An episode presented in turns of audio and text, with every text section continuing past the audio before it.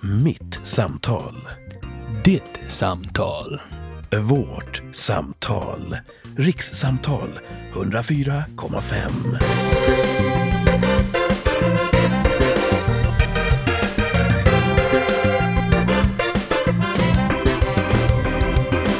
Vi är tillbaka, rikssamtalar återigen i etern som man sa förr i tiden. Nu när vi är on the line så tror jag inte att eter riktigt är tillämpningsbart.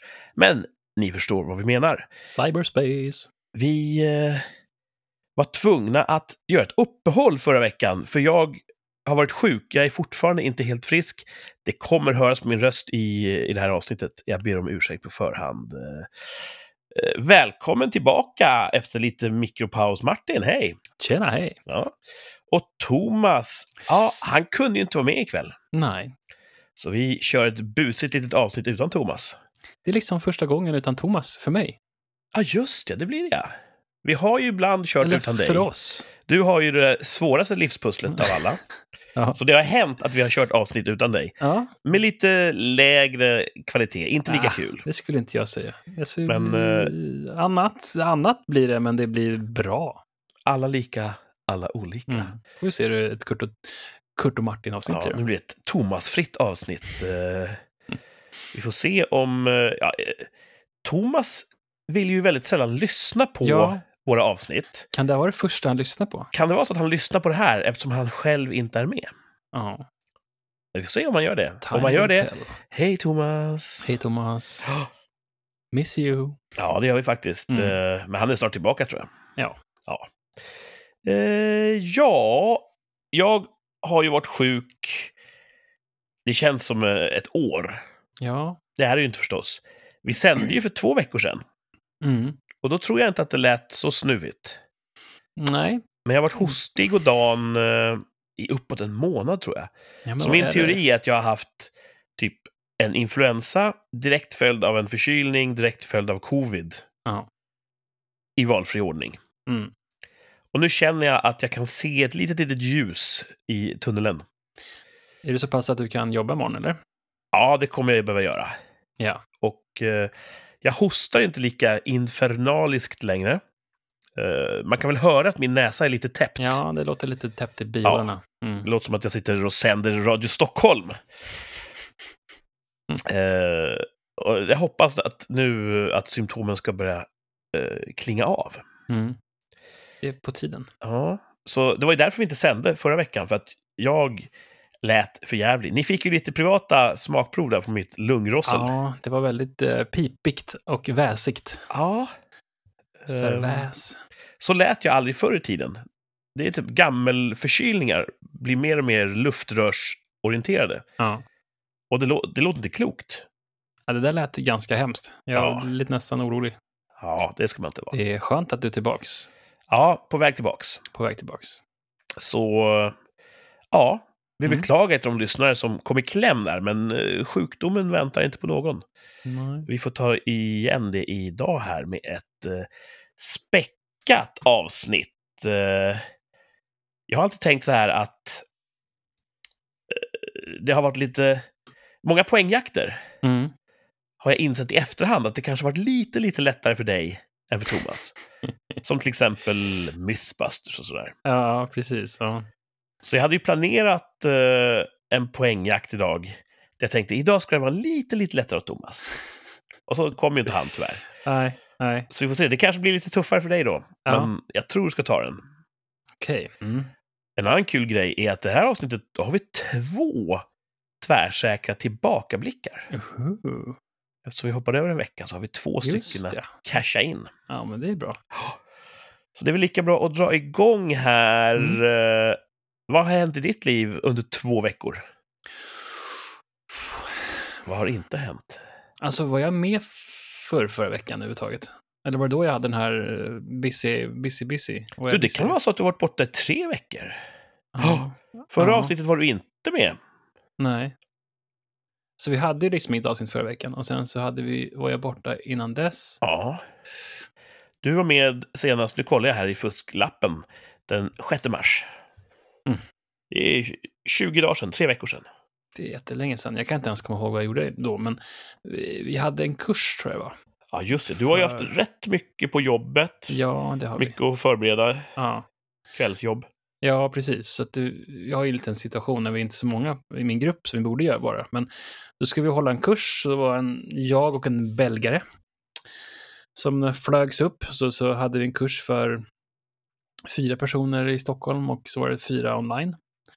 Ehm, så att då var det ganska mycket att göra. Det var en dess. singaporian på kursen innan. Ja, precis. Men nu var det en belgare. Ja, det var han som höll kursen med mig. Eller det var han som höll i spakarna. Nästa i, i höst här, då ska jag hålla den här kursen själv med honom då. Som, då får han vara sidekick. Nu var jag sidekick den här gången. Så Spännande. ja.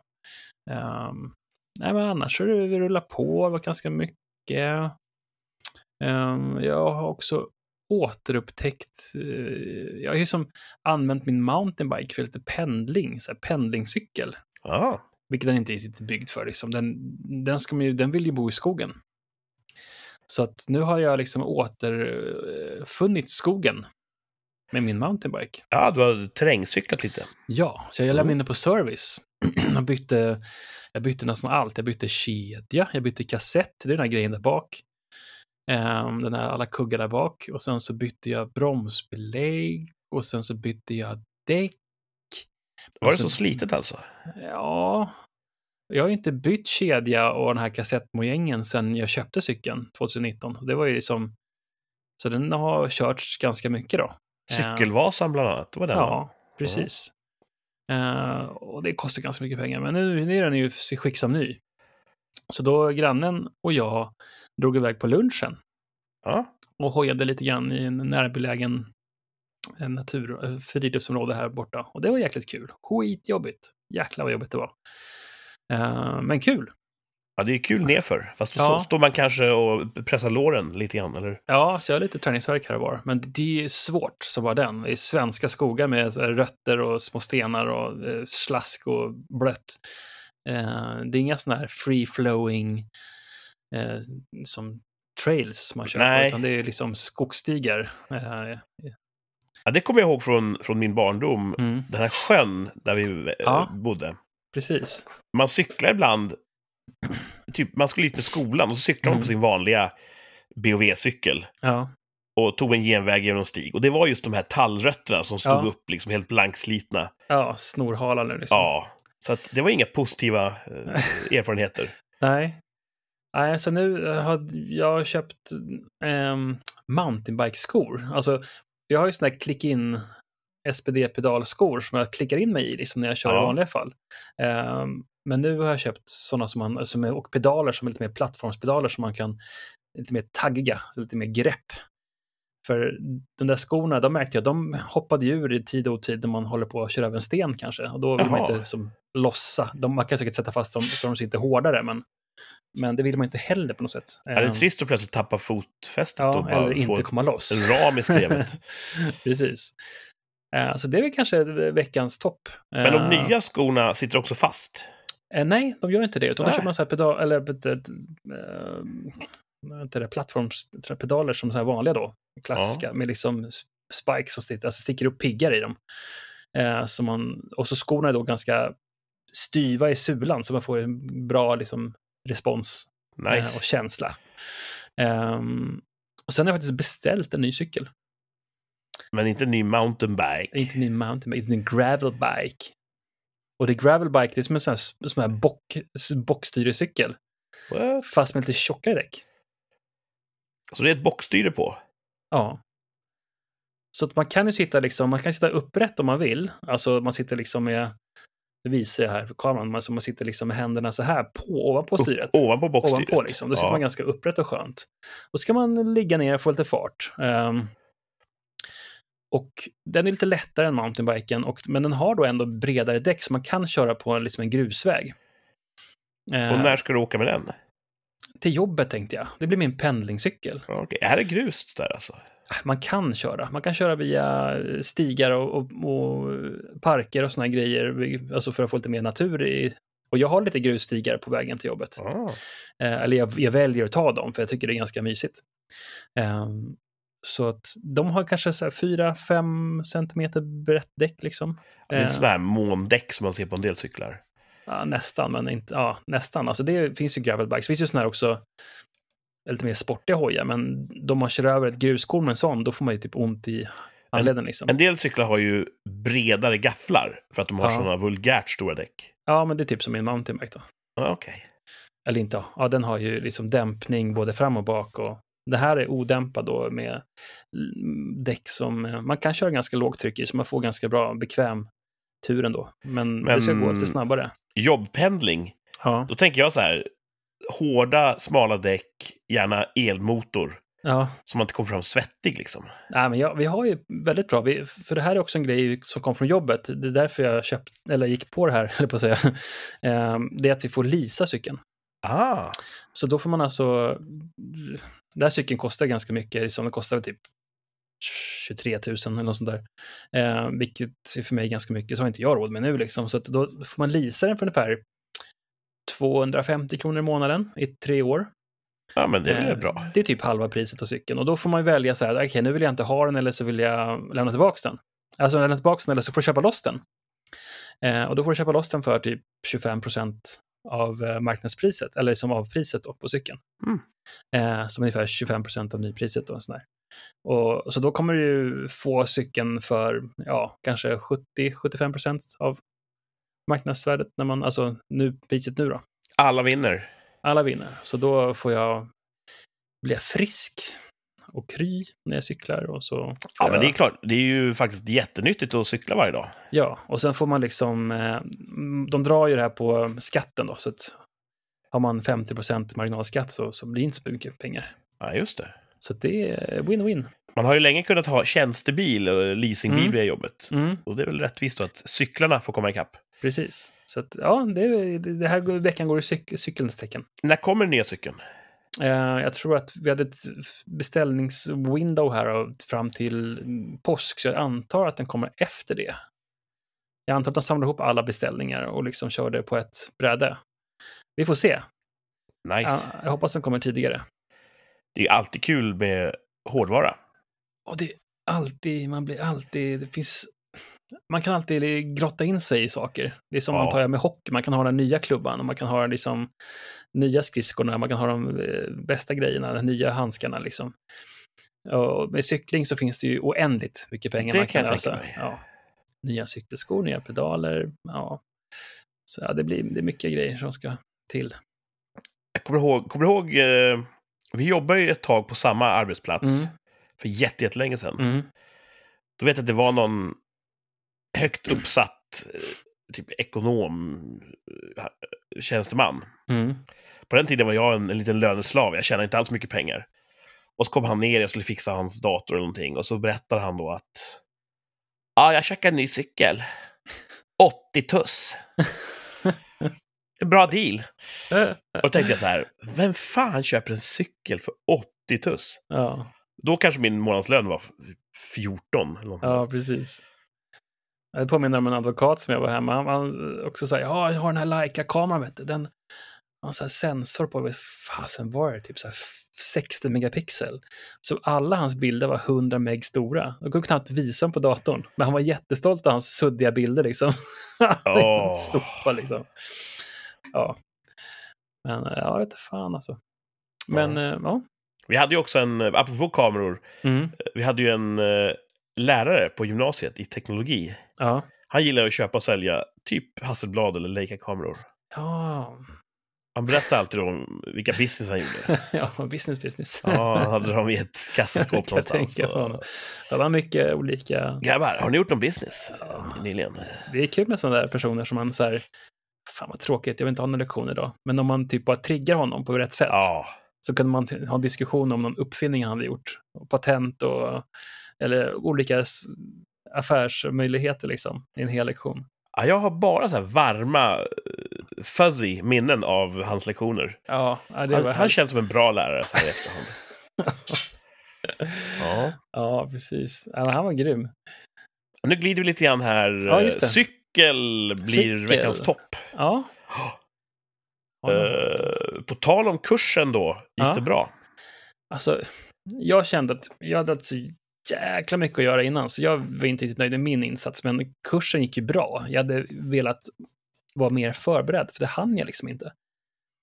Ehm, men det gick väl det gick ju bra. Liksom. De, de som var med tyckte att allting hade gått bra. Så det är väl det som är det viktigaste. De vet ju inte vad det hade kunnat vara.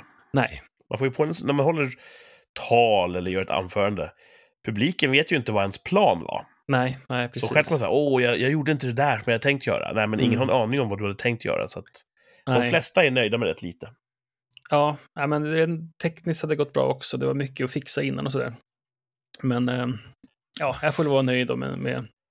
Men det finns ju room for improvement och nästa år, eller i höst så ska jag köra den själv, så då, då får jag hoppas att jag har lite mer tid. Det blir roligt. Ja, kanske. Mm. Kanske. Har det hänt något tråkigt då? Uh, I, I veckorna? ja, men Folket har rätt att veta. inget direkt. Jag får att jag tänkte på någonting förut, men nej. Det har varit ganska smooth sailing ändå. Liksom. Ja. Det är väl, om man ska klaga på någonting som är svenskt så är det väl vädret då. Men nu ligger det ju snö här jag är ute. Har ni snö? Ja, Oj. det ligger några centimeter. Men det mesta har väl, på altanen ser jag på kameran här att det ligger några centimeter. Men det, på gruset så har det liksom, det är lite Mm. mörkare så där har det smält bort. Ja, det förstår jag. Vi har haft lite, lite vårkänning här nere Ja, i veckan som gick. Eh, nu Ja. i helgen så har det ställt om blivit lite, lite kallare. ja för, Men det är lätt över nollan fortfarande. ja, vi hade ju, jag tycker det var en bra vecka. Men eh, precis vårkänning och sen så vände det nu i fredags eftermiddag. Så nu i veckan här så ska det ju vara liksom neråt 8 minus på nätterna. Nej. Eh, Så att man kollar här på vädret här länge på nu då. Så att onsdag, torsdag ska det vara 8 minus på natten. Plus på dagen, så det kommer att bli ganska skönt och halt. Men Det är ju helt absurt. Jag har satt på sommardäck. ja, nej, ja, jag har det på cykeln nu så att jag hoppas att det är en, ja, nej, det får gå som det går. Ja, ja. ja. Ja, själv då? Ehm, Men du har ju bara legat nerbäddad hela Ja, veckan. det har varit fan tråkigt. eh. Man tänker alltid när man inte är sjuk, vad skönt skulle det vara att vara sjuk och kolla lite tv-serier Ja. och spela spel.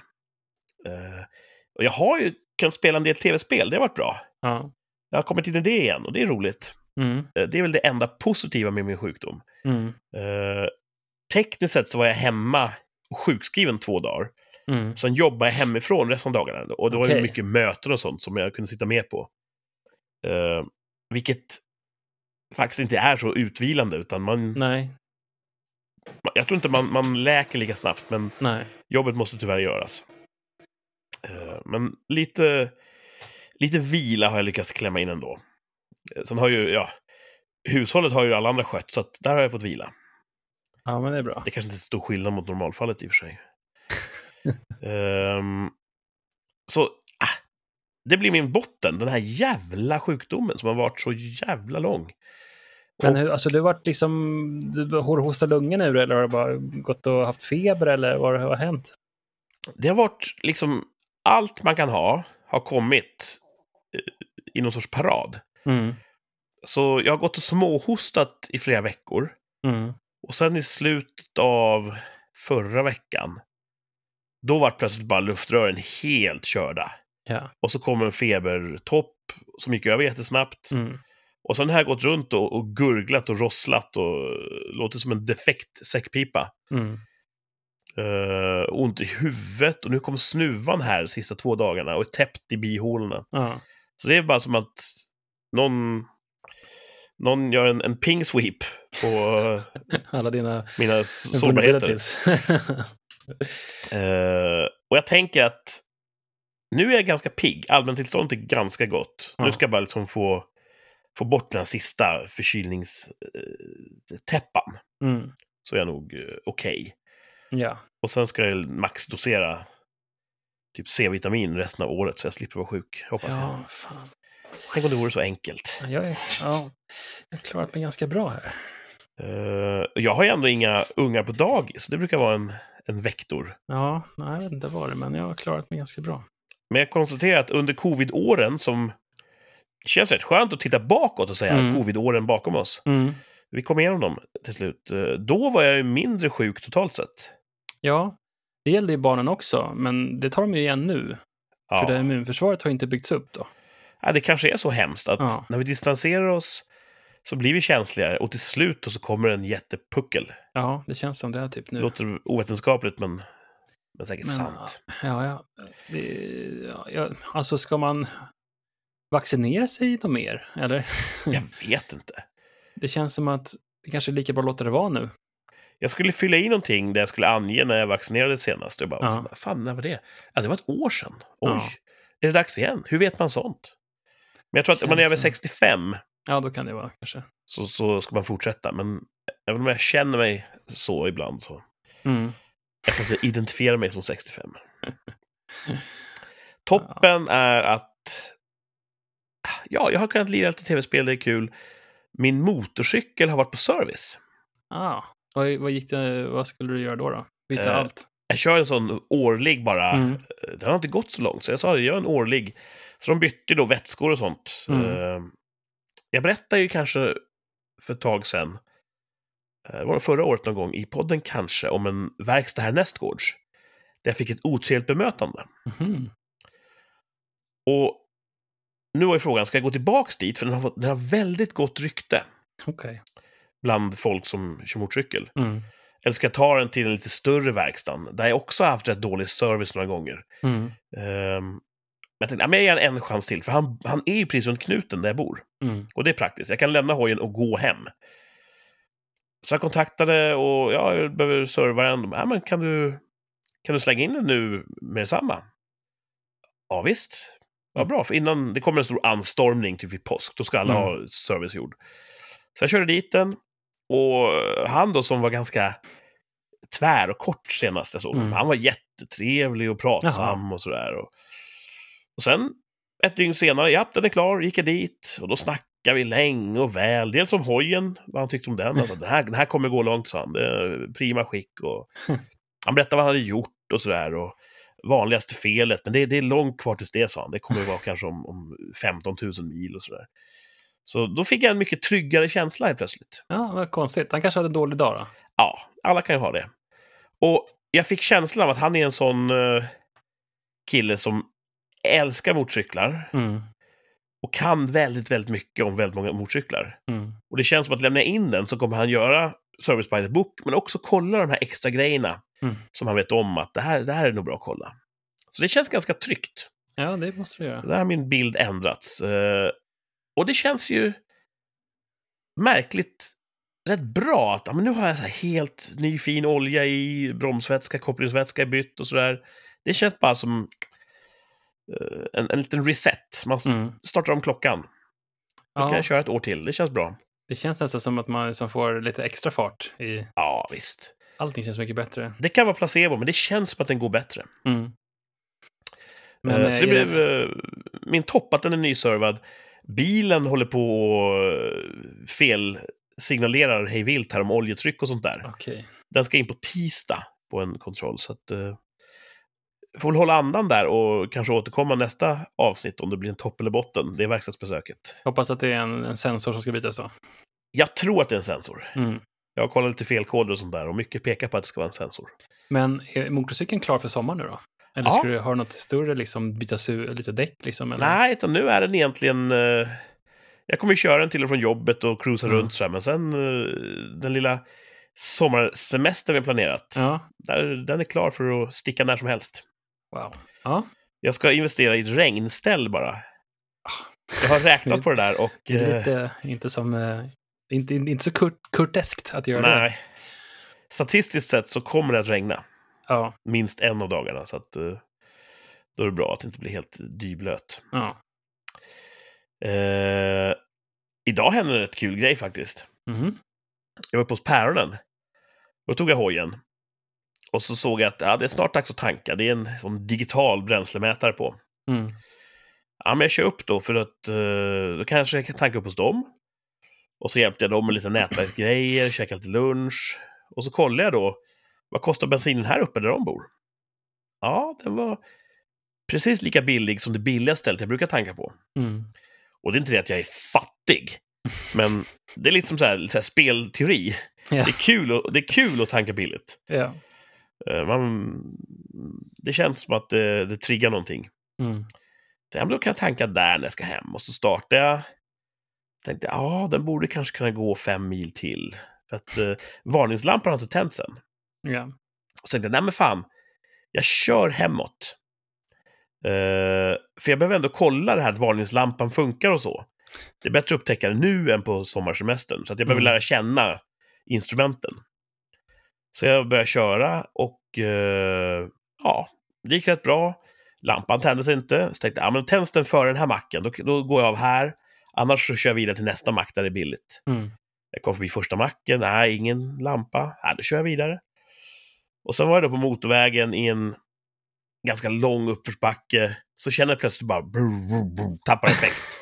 ja, vad fan nu då? Så kollar jag på instrumenten. Ingen varning, bränsle i tanken och sådär. Jävla konstigt. Så jag gick ut i vägrenen, stannar och så tänkte jag det. Det här digitala instrumentet som visar hur mycket bränsle Ja. man har, det är då olika staplar. Och jag hade en stapel kvar. Eh, och varje gång jag har parkerat cykeln, när den står då på sidostödet, då har den visat en stapel mer. Och då tänkte jag att då är säkert eh, hålet är nog på vänster sida i tanken. Mm. Så jag krängde till cykeln åt vänster. Tänkte att om det är en liten spalt i tanken så kanske jag skvalpar över bränsle. Och startar jag, och då startar den. Har du provat att nice. starta den annars? Vad sa du? Det gick inte igång då? Alltså Nej, den, var, den dog helt av sig själv. Jaha. Eh, men då startade den. Ja, okej, men då, då är det nog... Första tanken var, okej, då funkar inte lampan uppenbarligen. Nej. Så det, det är en, en mental notis. Men, ja, men då kör jag vidare, för här vill jag inte stå. Det är inte superfestligt att stå på motorväg utan bränsle. Nej. Eh, så jag kör vidare och kommer i fart och så börjar den hosta igen.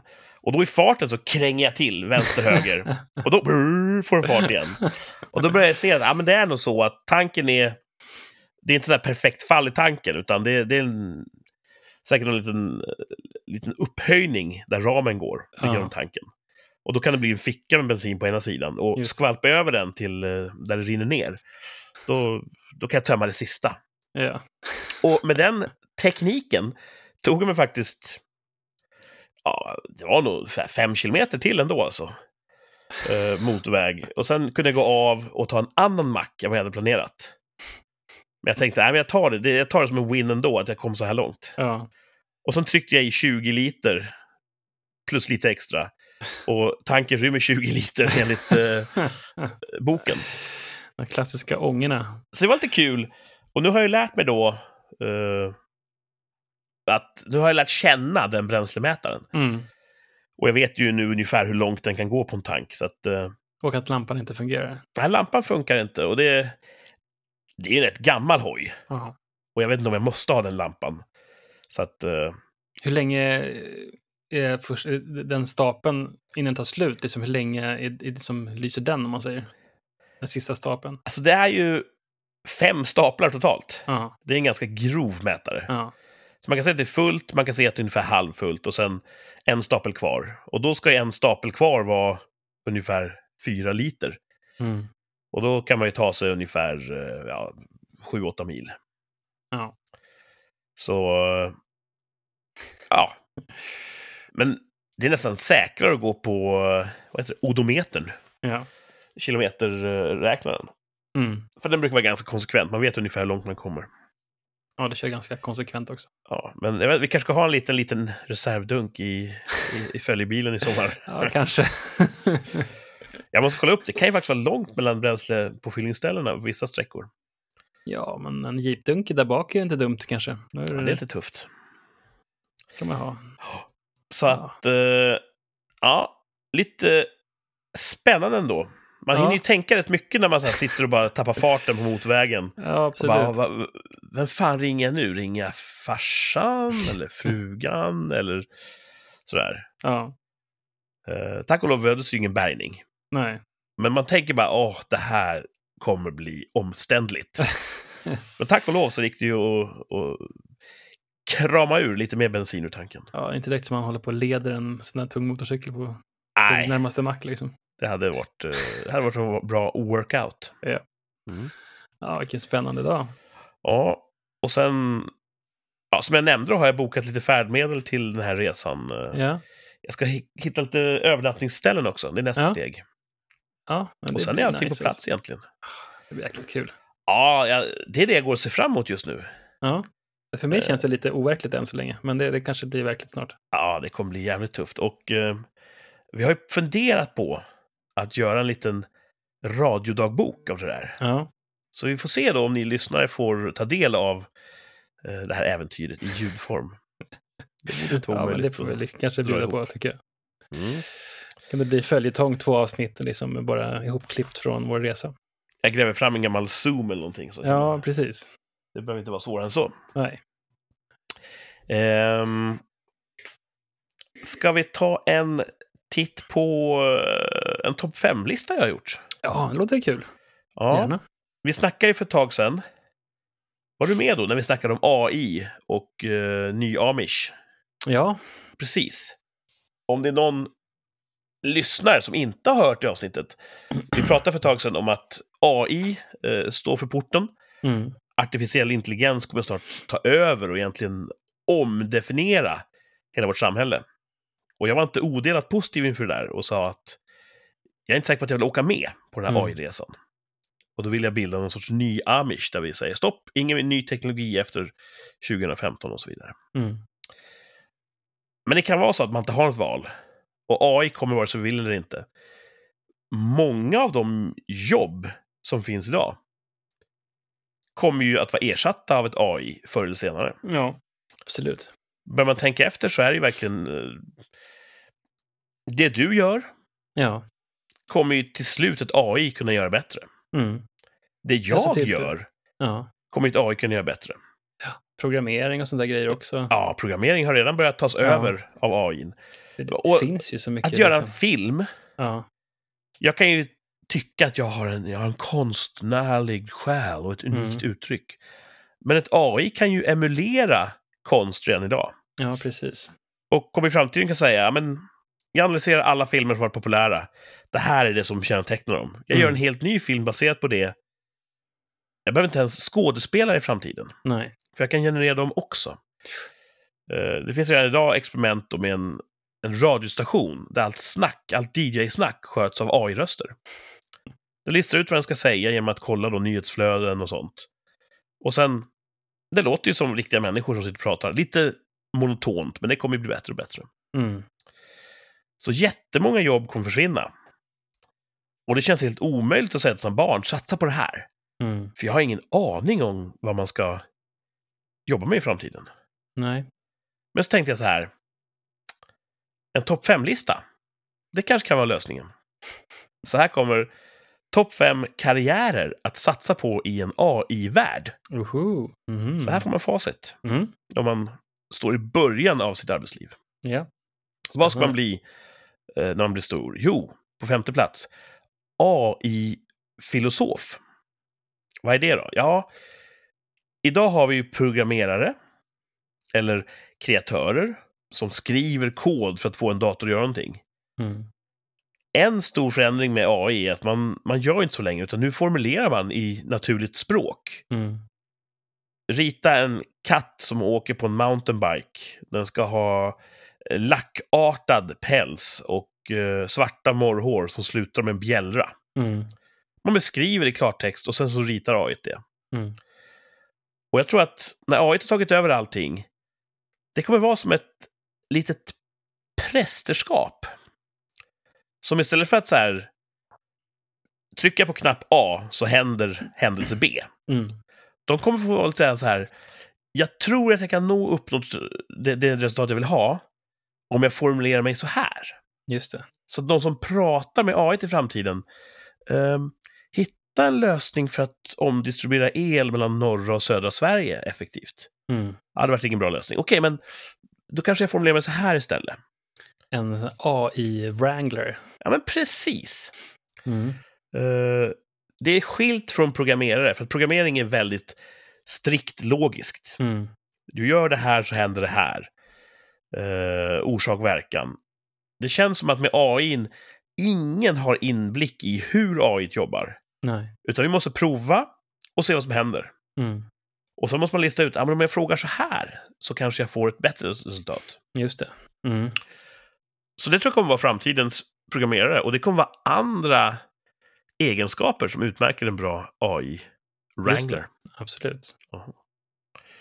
Ja, ja.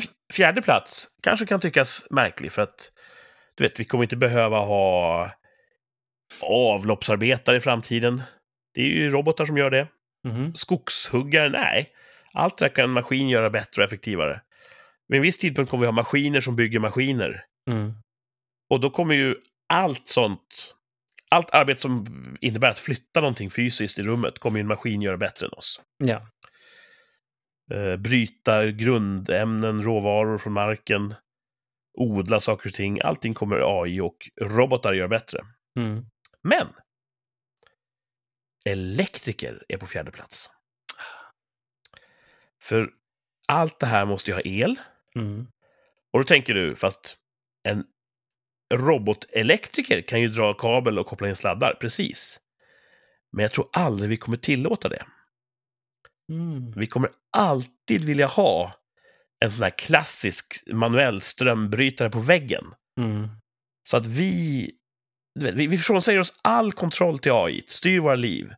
Men vi människor, vi har en sån här analog strömbrytare. Någonstans. Vi vet Mm. vad den är, för vi har satt den där. Mm. Jag tror att det kommer vara en grundläggande mekanism i alla AI-system. Att strömmen, den kontrollerar vi. Mm. För jag tror att det hade varit orimligt att låta ett AI Bygg ditt eget elnät, bygg din egen elredundans. Vi behöver inte veta hur du har gjort det. Nej, nej. det precis. känns som att be om trubbel. Ja, det finns så många. Man får nog eh, se till att man täpper många hål där för AI. Ja, Jag hörde någon historia om att en AI som hade liksom via social engineering eh, försökt övertala någon att göra någonting åt den som inte den kunde göra. Alltså det, Ah. ja, det finns så mycket. Det finns, man kan nog inte riktigt föreställa sig. Och vi är bara i gryningen av det här. För det kommer ju bli det här vårt nästa quantum leap för vår mänsklighet. Det Ja. blir ju AI i största sannolikhet om inte det kommer något UFO och ger oss massor med teknologi som vi inte har. Ja, på gott och ont så är det AI ja. som, som Det är gäller. det som ser ut att vara närmast liksom. Men jag tänker att ingen vettig människa kommer ju att frånsäga sig chansen att ha en sån nödstopp. Nej. Och det behövs en elektriker som kan installera den här brytaren. Och som kan dra i brytaren. Mm. Så det är ett bra jobb i framtiden. Ja, AI-säkerhetspolis kanske det blir. Ja, visst.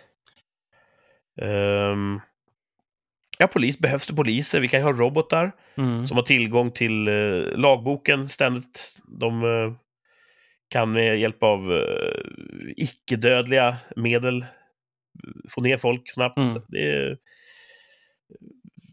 behövs egentligen inga poliser heller. Nej. Det kommer inte vara trevligt. Men eh, det kommer fungera. Mm. Men vad behövs då? Tredje plats, topp fem karriärer att satsa på i en AI-värld. Kock. Mm. Allting i köket kan ju automatiseras. Blanda, vispa ägg och hälla i mjölk och sådär. Det kan ju robotar göra. Men att ta fram en ny maträtt. Jag har av någon anledning svårt att se en utveckling där en robot kan lista ut det här kommer smaka gott. Mm. Utan att ta fram nya maträtter och experimentera med kryddblandningar och ska jag ha si eller så mycket. Mm. Det kommer kräva en mänsklig smaklök ett tag till. Ja, ett tag till i alla fall. Mm. Och jag tror inte att det går att bryta ner i att tre delar basilika och fyra delar oregano kommer smaka gott. Därför att det finns ingen sån logik bakom. Nej. Utan det handlar så mycket om intuition, känsla och prova sig fram och framförallt smaka. Mm. Mm, fan, oh, det här var oväntat gott. Så en kock kanske kommer vara assisterad av jättemånga robotar som står och vispar och rör. Mm. Men själva smakandet och utvecklingen av smaker, det kommer behöva folk till i framtiden. Mm. Så det kan man bli. Mm. Andra plats, jobb man kan ha i framtiden när AI har tagit över världen. Jag tänker att veterinär. Ja, just det. Där Jätte- behöver man ett, ett, ett, ett, mjukt interface. Ja, jättemånga inom den norma- normala mänskliga eh, sjukvården kan man ersätta. Mm. En läkare idag, det är egentligen ett rätt... Nu får du ursäkta, doktor Linda. Det är ett illa fungerande vandrande uppslagsverk. Mm.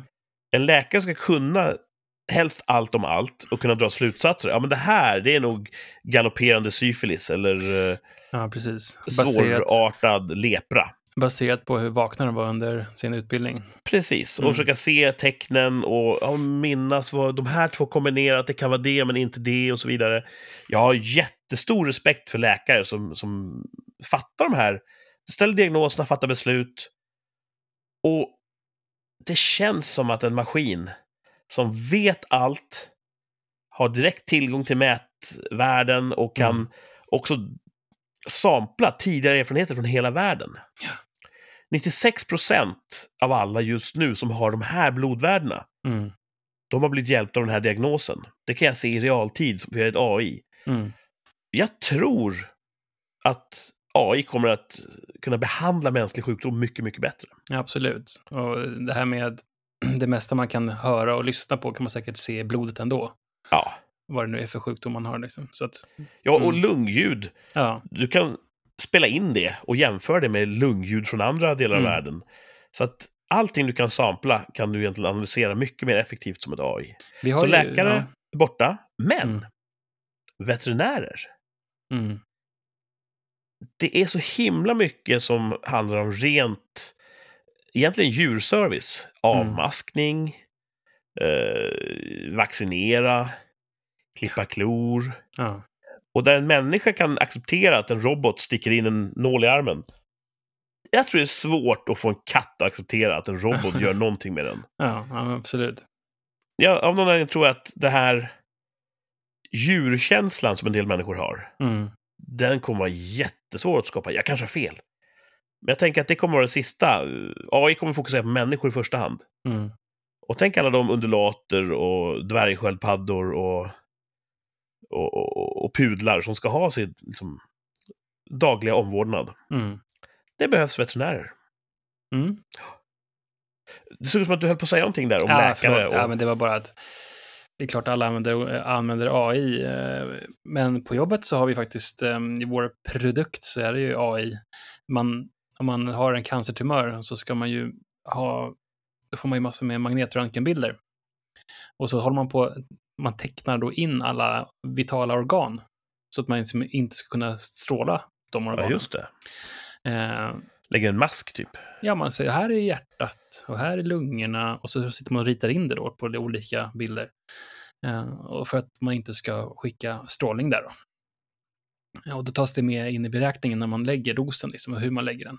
Och det där är ju någonting som är perfekt för ett AI att göra. Så det har Ja. vi ju produkter som redan, alltså istället för att sitta 40 minuter per patient så kanske ett AI kan göra det på fem just nu då.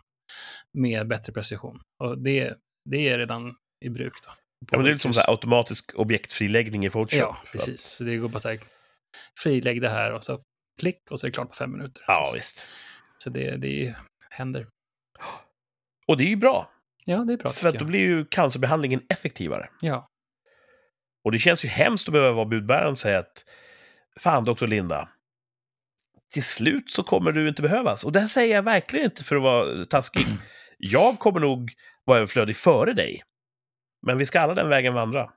ja, det blir intressant. Det finns också, man ska inte underskatta mänskliga interface, alltså om man säger emot. Men, men ändå, eh, själva kunnandet och eh, kanske administrationen av behandlingen kanske det blir en människa, men, men själva tänkandet kan ju vara ett AI lika gärna. Ja. Och, och sen nålen i, i, i, i benet. Eh, Men, men eh, ja, jag vet inte. Ja, du får se. Och du vet, idag så tänker man att jo, men jag ska ju få vaccin, eh, 74 dosen mot covid. Då går Mm. jag till en sjuksköterska som, som sticker till i armen och så får jag ett plåster. Mm. Och det känns ju självklart för att det är så det har varit fram till nu. Mm. Men man kan ju lika bra säga att men jag sitter här tills det kommer en drönare flygande. Jag sitter på jobbet, jag rullar upp ärmen själv och den flyger Mm. fram och så med en sån här liten jetstråle så Mm. skjuter den in under huden, pff, en dos. Det känns knappt. Och sen flyger den vidare. Mm. Det är ju tekniskt sett mycket bättre. Behöver inte ta ledigt från jobbet. Mm. Så att, ja, det här med Ja. mänsklig kontakt. Jag tror i mångt och mycket kan man faktiskt förhandla bort den mot Mm. Ja, det beror på lite. tidsbesparing och... om man, om man ligger för döden så kanske man inte vill ha någon robot som håller på att eh, eh, ta prostatakollen liksom. Jag Men, tänkte eh, på det, Mm. om press ska in på listan. Mm. För när allting är ordnat, då kanske vi ändå har behov av någonting som är lite analogt, som är lite mystiskt. Mm. Och någonting som inte har svar på allt. Så jag tänker att religionen kanske kan blomstra, men så tänker jag, det kommer inte AI tillåta. Utan religion... AI kommer ju som en, en av sina subuppgifter ha att, att bekämpa all form av religiös tillväxt. Så jag tänker att nej, jag ska inte uppmana folk att bli präster ändå i framtiden. Nej. Eh, vi kommer alla bli överflödiga utom just de här fem. Ja. Och första platsen på topp fem karriärer att satsa på i en AI-värld. Live-artist. Ah, Kan du sjunga? Kan du dansa? Kan du skådespela? Mm. Då har du en säkrad framtid för AI kommer göra våra filmer, Mm. det kommer göra vår musik och det kommer vara helt perfekt. Eh, och det kommer uppstå ett, en, en, ett sug efter imperfekt skapande. Mm. Eh, när vi behöver musik, då kan vi få musik som uppfyller syftet med musik av AI. Men precis som det finns folk som här, jag, jag vill äta den här maträtten som är långsamt skivad över en vulkan och sen eh, är den uppblött i hällregn eh, under en granskog. Alltså, Mm. folk vill ha speciella upplevelser Mm. bara för att de är speciella. Och i framtiden kommer mänskligt skapat content att vara en, en sån lyxprodukt. Mm. Och det är bara så att, ja men, då kan jag som människa spela in ett album med mina imperfektioner och, och missa eh, små saker. Ja, fast det där kan ju AI redan idag fejka. Mm. Du kan ju få din musiksequencer att bli lite mer oprecis i tajmingen, Mm. så blir det mer mänskligt. Och det enda sättet att konsumera någonting som man vet, det här är från människa till människa, det är ju live-framträdanden. Mm. Allt inspelat material, vi kommer inte kunna skilja mänskligt från AI-skapat. Men live, tills robotarna blir tillräckligt verklighetstrogna. Mm. Så att sitta där och titta på någon som gör något, det kommer ha ett sånt jävla premiumvärde. Mm. Och vi kommer att klamra oss fast vid det för att säga att men vi är fortfarande människor och det här, det är något fint. Det här har man inte kunnat ersätta än. Nej, just det. Så är du live-artist, om du kan göra någonting, spela på läppen, Mm. så kommer du ha en framtid säkrad. Och Ja. det är det alla får ägna sig åt i framtiden, Ja. ja, men precis. tror jag. Jag hängde upp mig på, på, på sjukvård, men jag kan tänka mig en grej där. Det kanske är så här mödravård. Det Ja. tas nog ganska lång tid innan man låter eh, en robot förlösa en bebis. Ja. Um, Sådana grejer. Men- Ja, det kommer nog... Det kommer inte ske i år. Nej. Men till slut så Ja. kanske man så här... Tänk om man får en dålig barnmorska som man inte gillar. Ja. En neutral robot kanske ändå är rätt så tryggt liksom. Ja. Jag tycker det är roligare att... Du vet så här... Att ringa upp en kundtjänst. Mm. Kan jag inte få mejla istället? Mm. Jag kan, jag kan tycka det är klibbigt att ha med främmande människor att göra. Mm. Och det är säkert fler som känner så. Så att en del skulle självmant säga, "Nej, men fan ge mig, ge mig robotdoktorn.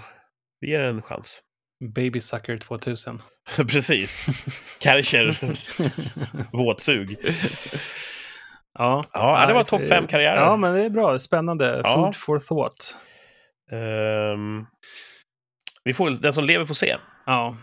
Ja, det, jag- ja, det, det kommer ju komma till någon gräns här. Och så kommer det bara... Det börjar, vi börjar ju tassa på den, känns det som.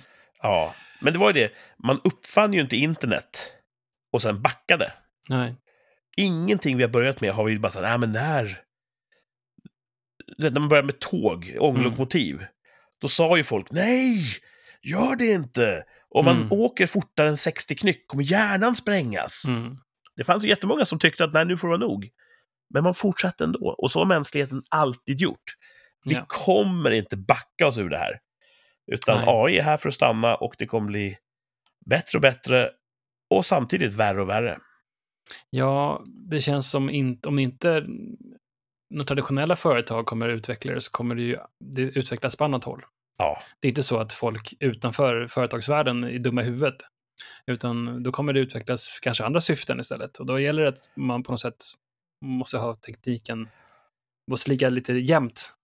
allt det som goda aktörer inte utvecklar kommer onda aktörer utveckla. Ja, precis. Så att om vi inte har ett, ett, ett, ett högt tryck på utvecklingen, om vi ser oss själva som goda, så kommer Mm. ju andra krafter ta fram det.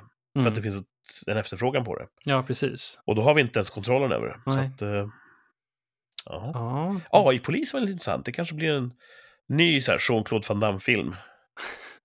Där han måste bekämpa AI. ja. Jag, jag, jag får ju lite så här rysningar när jag ser de här Boston Dynamics-filmerna, när de, Ja. de här hund, robothundarna. Och det är bara så här, åh vad kul, de kan dansa i takt. Ja, men så har man en Gatling, liksom 30 Ja. mm granatspruta på ryggen på den där. Inte lika kul längre. Och du vet, de springer precis som hundar Ja, och humanoiderna springer precis som en människa. mm, Men det är för att man har valt att lägga nivån just där. ja, De skulle kunna springa som en gepard, ja, eller ännu snabbare. Och humanoiderna skulle kunna springa som typ T1000. ja, Alltså, de, de kan så himla lätt bli övermänskligt, Ja. övernaturligt snabba ja. och starka och De behöver inte ens ha vapen på sig. Det kan bara säga, ja men nu ska vi gå ut och tear some shit up istället. De behöver Ja. inte ens ha kulvapen. Liksom. så... Ja, nej, men det blir spännande. nu nästan. var härligt. Ja, så. Men jag hoppas att, jag har en förhoppning att man kanske kan sätta ett AI som knäcker fusionskraftfrågan. Ja, vi fokuserar på mycket av det goda vi kan få, tycker jag. Det vore kul, alltså om man kunde bara få fusions, alltså få det att fungera så man får Ja. gratis ström. Liksom. Fatta vad det skulle göra med samhället, med världssamfundet. Ja, Att helt plötsligt energi, det är ingen fråga längre. nej, Ingen kan tjäna pengar på energi längre. nej, Ingen kan använda energi som hävstång politiskt. nej. Det kommer nog rita om kartan i, i mångt och mycket. Ja, precis. Också så blir det här med, ja, med miljöfrågan och allting försvinner liksom. Ja. Jag hoppas att det skulle vara kul om man kom på någon sån här grafenbatterier och fusionsenergi. Så då, okej, det kan man bara glömma. Då kan man, alla miljömuppar, vad ska de hitta på då? ja Kanske kan göra någon nytta hittar istället. De ger sig på det här med, med toxisk maskulinitet. Ja, to toxisk. AI. Eh, ja. Ja. Mm. Ehm, på tal om AI. Jag kanske redan nu ska väl liksom vara tacksam. Det här att sitta på en 20 år gammal motorcykel Mm. som börjar hosta och spotta och bara, ah, ja, det kan vara bränslestopp, det kan vara någonting annat. Få problemlösa lite. Det kanske kommer vara en lyx om några år. ja. Du vet, I framtiden kommer inte AI eh, av ren välvilja tillåta några sådana grejer. Att, nej, men, jag vet exakt hur mycket bränsle du har och jag vet exakt vilken mack du ska stanna på Mm. för att tanka. Och jag kommer till och med styra motorcykeln dit åt dig Mm. med våld om så krävs. Så att, att kunna... Att få försätta sig i, lite, ja, i situationer ute på marginalen, Mm. det kanske är en lyx som vi inte Ja. förstår att vi har. Det brukar ju vara, i en del sådana här sci-fi-filmer så brukar det vara sådär att även fast det är väldigt i framtiden, man är liksom människan kan vara i hela universum och hittat en massa med nya civilisationer, men ändå så är det någon, han är huvudfiguren som tar en liten pressändning och drar av från en dammig motorcykel från en bensinare liksom. Det funkar alltid bäst. Funkar alltid bäst. Alltid. i, oh, jag såg om Demolition Man häromdagen. Ja, den är härlig.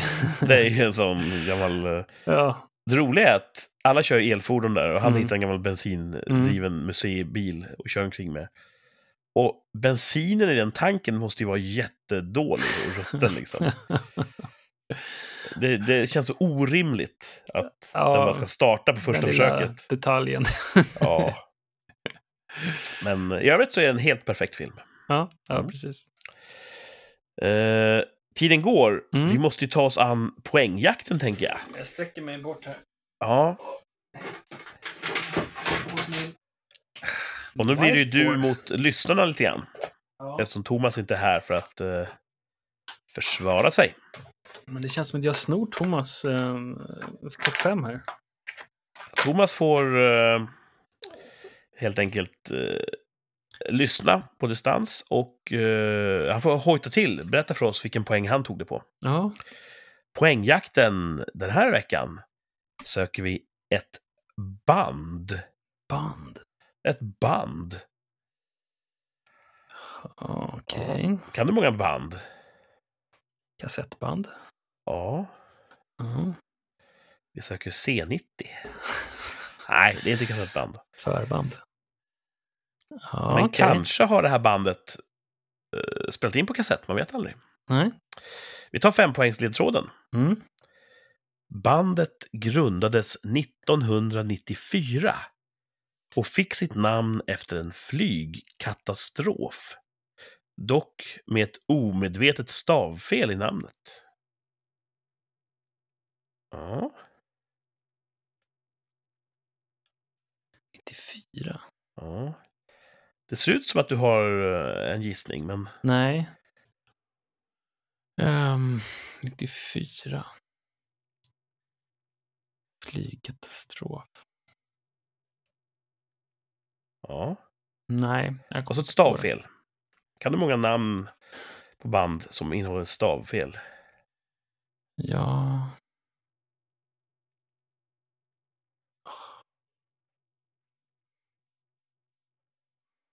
Uh, jag vet inte riktigt. 94. Vad gjorde man då? Då gick man i gymnasiet. Ja, man var precis klar med gymnasiet, va? Var det så? Sista året kanske? Mm. Du tänker Nej. att du kanske hörde det här bandet då? Jag gjorde det. Ja, kanske, kanske inte. Jag måste, jag måste, lite mer på benen känner jag. Ja, men alltså fem poäng är ju eh, svårt. Stavfel. Flygkatastrof. Ja, flygkatastrof.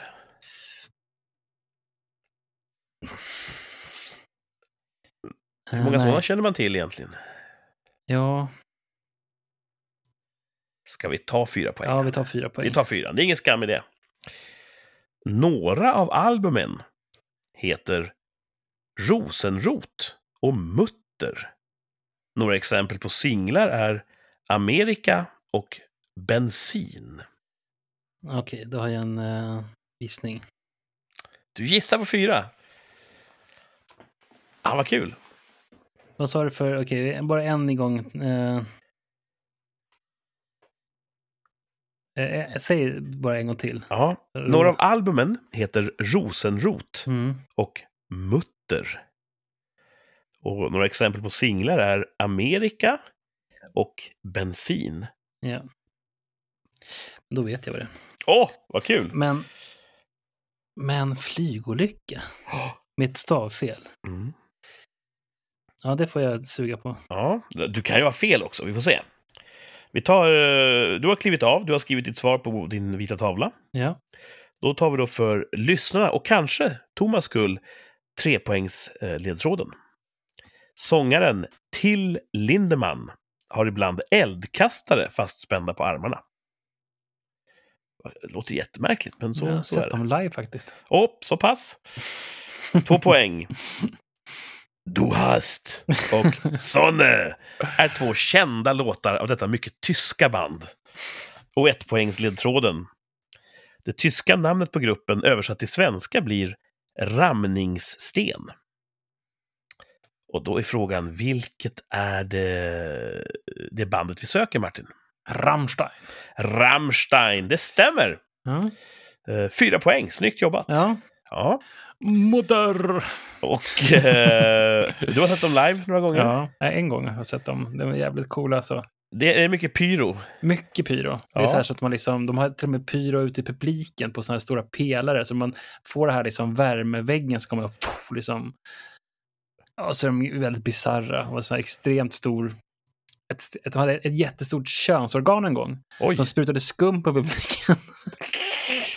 förstås. ja, så har de, ja, de är jätte, jättemycket roliga saker. Men de Ja. är sjukt bra. Alltså. Tyska bandet Rammstein eh, grundades 1994. Namnet tog man efter en flygkatastrof på Rammstein eh, Airbase. Mhm. En eh, amerikansk flygbas i Tyskland, nära Kaiserslautern. 1988 var det flyguppvisning på Rammstein Airbase. Mm. Och eh, en italiensk flygvapengrupp, eh, tror jag fem eller sex flygplan som flög. Tre av dem kolliderade i luften. Oj. kraschade ner mot marken, in i folksamlingen. 70 pers dog. Så det var en ganska rejäl smäll. Jesus. Eh, och då tog man namn efter det här. Men Rammstein flygbasen stavas med ett M. Mm. Bandet använder två M. Mm. Och de har själva sagt att nej, vi stavar fel. Vi, vi tänkte på flygolyckan, men vi använde ett M för mycket. Men då blir det rent eh, grammatiskt på tyska ordet för ramningssten, som är en, en konstruktionsdetalj på en gammal stenborg. Så Rammstein är ju ett, ett fullt korrekt namn, Ja. om det är det man tänker på. Ja, just det. Men de tänkte på flygbasen. Okej. Uh, några albumen, där var jag lite ful. Jag sa ju Rosenrot och Ja. Mutter, men det är ju Rosenrot Ja. och Mutter. Mata! Men det stavas ju likadant på svenska. Och singlarna är ju då Amerika och Ja. Bensin. Ja. Har du hört dem? Ja, har jag Ja. hört. Var det där du tog det? På singlarna? Ja, precis. Eller var det jag- ja, Mutter. det var Då, då kände jag ganska på en gång att det var rätt. Men Ja. Mutter känner jag igen och det är ju en låt också. Amerika. Den är ju väldigt känd. Den är deras eh, kändaste låtar, ska jag säga. Ja. Eller mest kända låtar. Och Bensin är också ganska känd. Ja. Och sångaren Till Lindemann, känner Mm. du till hans namn? Ja, namn, men ja, kanske jag skulle kunna pricka utifrån fem personer om jag skulle ställa upp om det. En eldkastare fastspända på armarna, det är ju... Det där, ja, det- det är en gammal klassiker. De eh, har ju alltid gillat pyro, Ja. alltså stora eldeffekter. Ja, under sina liveframträdanden. Det var någon gång som någonting började brinna under en konsert. Och då sa de det, nej men vi låter proffs göra det här efter. De hade ju byggt allting själva i början. Och sen så vi gick faktiskt till Lindemann och blev certifierad pyrotekniker. Eh, och han gillar ju då när det brinner. ja det är okej, det är kul. Det är, det är ganska bra tror jag, för att om man står en meter fel på den där scenen så det blir man ju bara toast liksom. Ja. Och eh, Du hast och Sonne är två av alla Mm. låtar. Ja, det tycker jag om. Sån tycker jag är bra. Eh, vi var i Frankrike för några år sedan, jag och familjen. Och skulle göra sån här rafting som det kallas. Mm. Man har på sig typ våtdräkter, sitter i en gummibåt och åker ner för en liten fors. Och då eh, var vi på själva bascentrat, vi bytte om och fick gå ut i en jättegammal Mercedes-buss Mm. som körde med typ öppen dörr ner till eh, ja, platsen där vi skulle gå i, gå i spat. Mm. Och då körde de så här typiskt säsongsarbetare med, med keps och blästade högsta volym Du hast med Rammstein hela vägen ner. Det var Ja. bra så här, stämningssättare. ja, det är kanske deras mest kända låt om man ska tänka efter. Ja. Eh, och som vi sa då, tyska namnet översatt till svenska blir ju Ramningssten. Jag trodde alltid typ precis så här, att det hade betytt någonting, att det var någon sån här ädelsten, men jag tänkte, nej, jag vet inte fan, okej. Jag hade aldrig tänkt på vad det betyder, men jag skulle gissa att det skulle vara någon ädelsten. Ja. Många lite så här ekivoka band tycker om Mm. att, att ha morbida namn. Mm. Så att, att de tog namn efter en flygolycka, eh, det var väl kanske väntat då för den typen av band. De Mm. var unga och, och, och formativa. Jag tycker alltså, även fast man inte kanske gillar musiken så ska man ju gilla showen. Alltså, man ska nog gilla musiken om man inte, efter en show. alltså, den Ja. är så jäkla bra. Fler borde gå och se dem Vi får live. se om de eh, kommer upp igen, då får vi får ta med er. Ja, jag, jag stampade i takten när jag hörde deras Ja. musik. Ja, Så jag hade nog gillat att se dem live. ja, det tror jag. Men eh, jag Ja, hade varit lite oroad över, eh, över platssäkerheten. Ja. Ja. Cool, ja men bra eh, topplista där. Snyggt jobbat! Du fick fyra poäng. Jag känner att Thomas eh, kommer knäcka det här också. Ja, kanske. Ja, Jag tänker att det inte är hans huvudfåra musikaliskt. Så att... eh, det här var inte gjort för att det vara lättare för Thomas. nej, jag ljög när jag sa det. Ja, okej. För att Det var jag ville lättare för mig. ställa till dig för dig. Det kändes ju väldigt lätt för Martin om man säger så. Ja, men det, det vart ju så tydligen. Man vet aldrig. Ja. Eh, vi ska ta en titt bakåt i tiden. Mm, spännande. Eh, två stycken tvärsäkra tillbakablickar. Mm. För ett år sedan lite drygt så uttalade vi oss tvärsäkert i två avsnitt som vi nu har passerat eh, ettårsgränsen för. Mm. Så vi ska börja med den 20 mars förra året. Okej. Där frågade vi oss vinner Zelensky Nobels fredspris. Mm. Och har han gjort det? Nej, Nej, det har han inte gjort. nej. Det var väl några vitryssar som vann, va? Jag kommer inte ihåg. Ja. Jag är osäker själv, men det var Ja. inte Zelensky. Nej, det kommer jag inte ihåg. Man kanske väntar tills kriget är över och man har, liksom, Ja, man har grävt upp alla massgravar innan man ja precis. vill göra något definitivt där. Och det kanske är klokt. Mm. Jag misstror inte Zelensky personligen, men det blir lätt så att ibland kan sanningar komma fram. Som, Ja. Inte kört. kanske bra kanske i en pågående konflikt. Att, Nej, de säger det. Res inga statyer över folk som lever. nej. För de kan låter fortfarande smart. göra bort sig. Mm. Så det vart nej där. Och vad sa vi för ett år sedan, tror du? Nej. Du sa nej.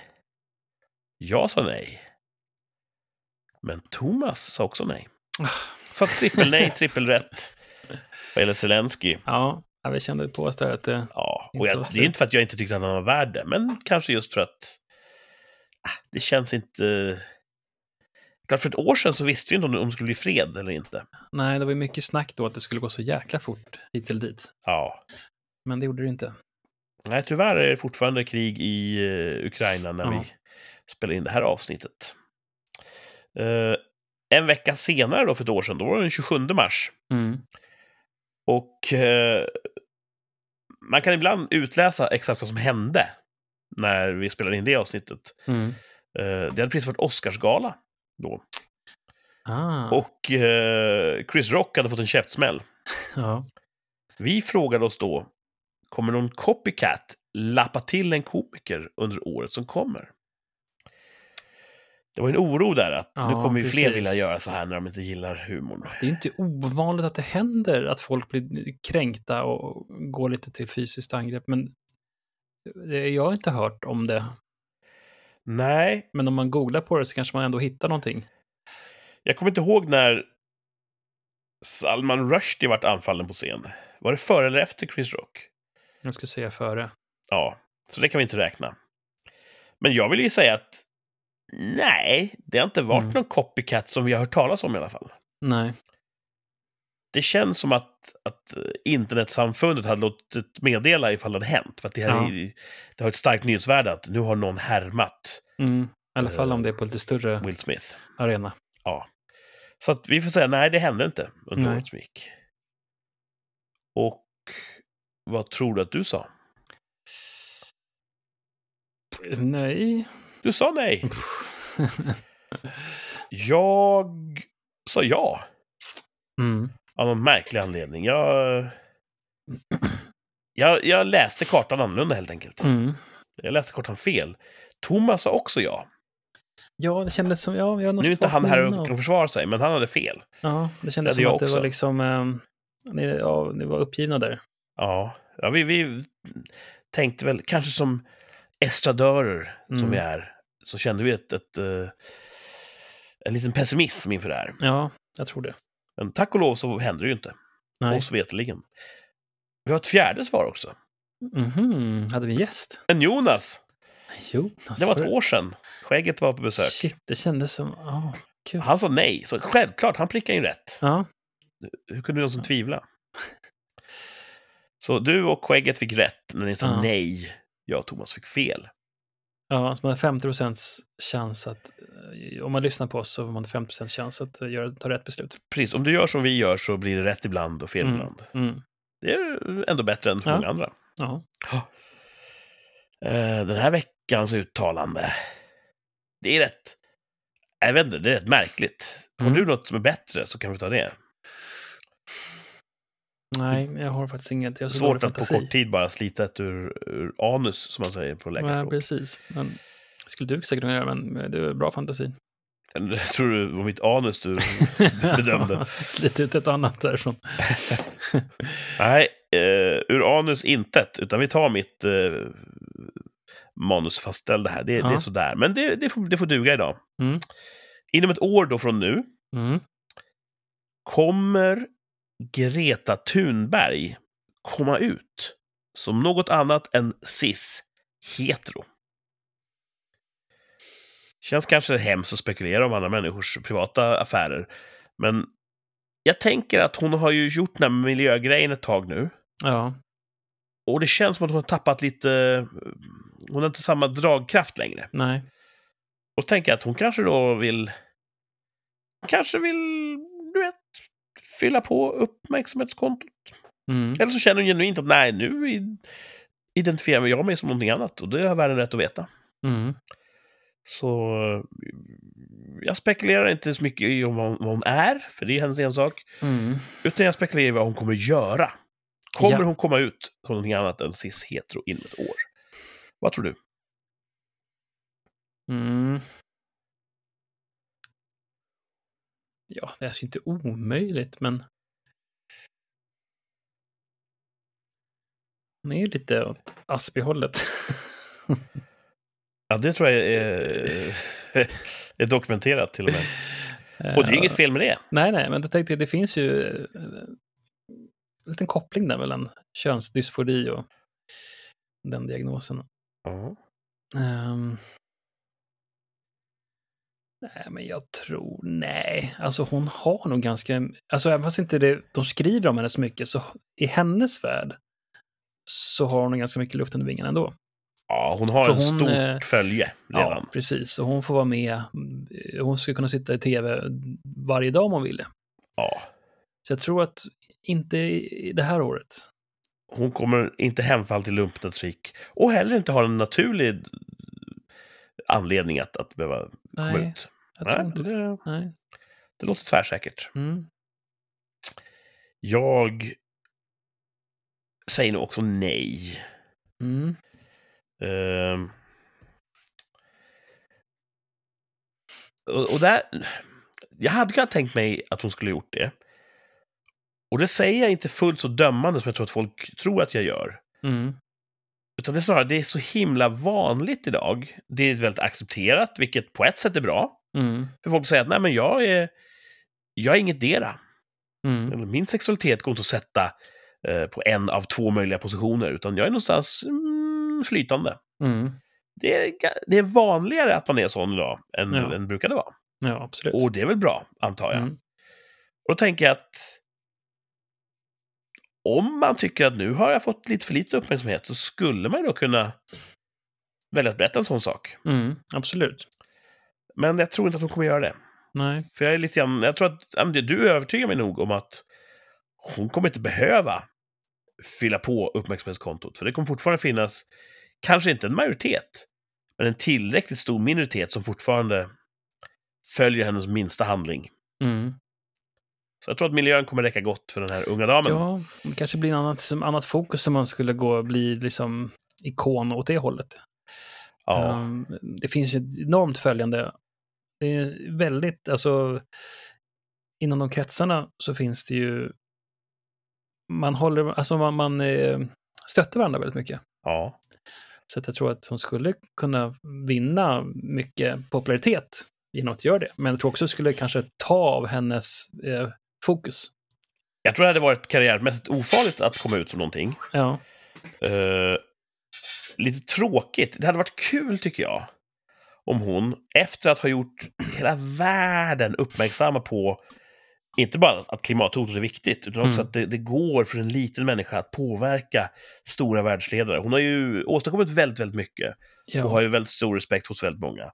Att efter det, lite sådär, bara utan att tänka på det i någon in- intervju, så bara, Mm. nej men, alltså förintelsen är ju en myt. Det hade varit lite så här kul om hon, jaha, hon tycker så också. Åh, nu har vi ett problem. ja. Det hade varit festligt. Jag personligen är ju övertygad om att förintelsen skedde. ja. Men det finns ju då i mitt tycke stollar Mm. som tycker att nej, men det är uppenbart att den inte gjorde det. Och jag, jag förstår verkligen inte vilken kunskapsbas de, de agerar ifrån. Nej. Men de finns ju. ja, och absolut. hon skulle ju kunna vara sån. Ja. För att miljön är en separat fråga. Och hon kan ju tycka fel i någon annan fråga. Mm. Absolut. Det hade varit kul att se hur det varumärket hade liksom behövt eh, rehabiliteras. Ja. Absolut. Um, Jag tror det är låg sannolikhet för det. Ja, eller ja. Ja. Mm. Vi får se. Kanske nästa eh, vecka vi kan ta det. Kommer hon gå ut som förintelseförnekare Ja. inom ett år. Det hade varit, eh, inte för att världen behöver fler sådana, men det hade varit otroligt festligt. Ibland får man ta en för laget. Att, Ja. Greta, gör det för humorn. Ja, Ja. ja, men spännande. Vi får se. vi avvaktar och ser. Och eh, Thomas, han får inte uttala sig, för han är inte här. Nej, han är inte här. Låt det bli en läxa för dig, Thomas. Mm. Mm. Thomas eh, är inte här. Han var inte här i det här avsnittet. Nej, Hoppas han är med i nästa avsnitt. ja, det får vi hoppas. Ja, eh, då är han välkommen tillbaka in i värmen. Mm. Eh, det här avsnittet är i princip klart. Ja, vi har avhandlat allt. Ja, det gick väl jättebra utan Thomas? Ja, Ja, Alltså inte- han var ju saknad. väldigt saknad. Ja. Det blir som ett tomrum. Det blir ju inte samma naturliga lekplats för er i de här tävlingsmomenten när ni kan Nej. stångas mot varandra. Eh, så ja, han har varit saknad, men eh, ja, vi får helt enkelt köra full fart nästa gång Mm. istället. Absolut. Eh, det har varit mycket uppgivna skrik på internet för att vi, Mm. vi missade förra veckan. Mm. Så jag vet många lyssnare som nu är glada att det finns någonting att lyssna på igen. Mm. Och det, det är bra. Vi tar till oss av kritiken och vi glädjer oss att, eh, att ni lyssnar. Det gläder mig att du är på bättringsvägarna, Kurt. Ja, tack. Eh, Det gläder mig också. Mm. Jag har tänkt att det här med sjukdom, det är nog ingenting för mig. Nej, Det här vill jag aldrig mer vara med om. precis. Så eh, får se hur... jag tror att jag, man hör det sist själv, men får se om lyssnarna reagerar på att jag har låtit täppt eller inte. Mm. Uh, kanske ska bli en liten backlash. Vi får se, ni får höra av er helt enkelt. Uh, vad tyckte ni om det här och vad tror ni om, om Greta och Förintelsen? Skriv till oss. Vi finns som alltid på Instagram under uh, pseudonymen Rikspodd. Där kan man klicka och likea och, och skriva chatting och kommentarer och sånt där som, uh, ja, alla moderna grepp. Men, ja, vad, vad händer i veckan här fram till nästa avsnitt? Ehm, jag väntar på mina pedaler till min cykel. Och jag inser också hur det låter med mina cykelhistorier. Det låter som att jag är en 40-plussare som har börjat cykla. Ja, exakt så låter det och är det väl? Så är det faktiskt Ja. också. Men ehm, ja, det är en viss ålder, man börjar- köpa cyklar och grejer. Men vadå, varför ska man vara en unik, vacker blomma Nej, Jag för? vet inte. Jag gör det för hälsan. Ja, jag kanske kör motorcykel för att det är en ålderskris, men vadå? Jag har ju åldern. ja. Alltså det är så här, man kan köpa leksakerna som man önskade sig att man hade när man var yngre. Så kan det också vara. Exakt. Det är lite där. Så att jag, Vi jag är skyldiga våra yngre jag att göra ja, det här. Jag är densamma. Jag är bara att jag har lite mer pengar nu. Ja. Uh, Okej, det var det. jag väntar på pedaler. ja. Eh, Eh, är det en sån här mellanvecka på jobbet? ja, lite så. Det är mycket. Eh, vi håller på att rekrytera och grejer, så hoppas vi hittar någon kul människa. Ja, ni behöver avlastning, det tror jag. Mm, två stycken behöver vi. Eh, jag har lite försvarsmaktgrejer den här veckan. Oh. Eh, hela helgen som kommer ska jag vara ute och härja lite. Det blir intressant. Och eh, tisdag kväll ska jag iväg på en kort grej. Eh, rollspel kanske på onsdag. Ja, spännande. Det blir roligt. Mm. Se vad det är för vansinnighet som, som eh, händer där. Eh, och ska det jobbas förstås. Jag ska, Ja. jag ska också hålla kurs i veckan på jobbet. Jaha, men Mm. du, du gör ju sånt där så ofta, så att det känns som att Ja, du är så jävla ruttad. jag har ju blivit det. Ja, eh, mer eller mindre frivilligt. Så att, Mm. eh, jag, jag får ju påminna mig om att för de allra flesta så är det ju inte bara så här, ja vad kul, på tisdag ska jag hålla kurs. mm. För många är det lite jobbigt. Mm. Men Och- ja, blir man ruttad, då kan jag tänka mig att okej, nu kör vi det här och det här och det här. Man som har lite koll. Men, men eh, mm. Och för lyssnare utanför Mälardalen, vad betyder ruttad? rutinerad. Ja, precis. Ja. Jag har, jag har faktiskt inte hört det förut, men jag kan tänka mig att det är ett ord som, som trendar just nu i, i Mälardalen. Är det så? ja, kan vara så. Ja, det är kul med sådana ord. Ja. Jag kommer ihåg när sharka var en grej. Sharka. Istället för att säga så här, hajar du? Så sa man, sharkar du?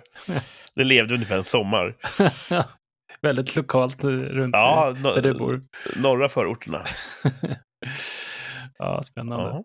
Nej, men det är, det är nog det hela. Ja. Och, eh, nästa avsnitt ska vi sända med lite mindre nästäppe hoppas jag. Ja, vi får hoppas det.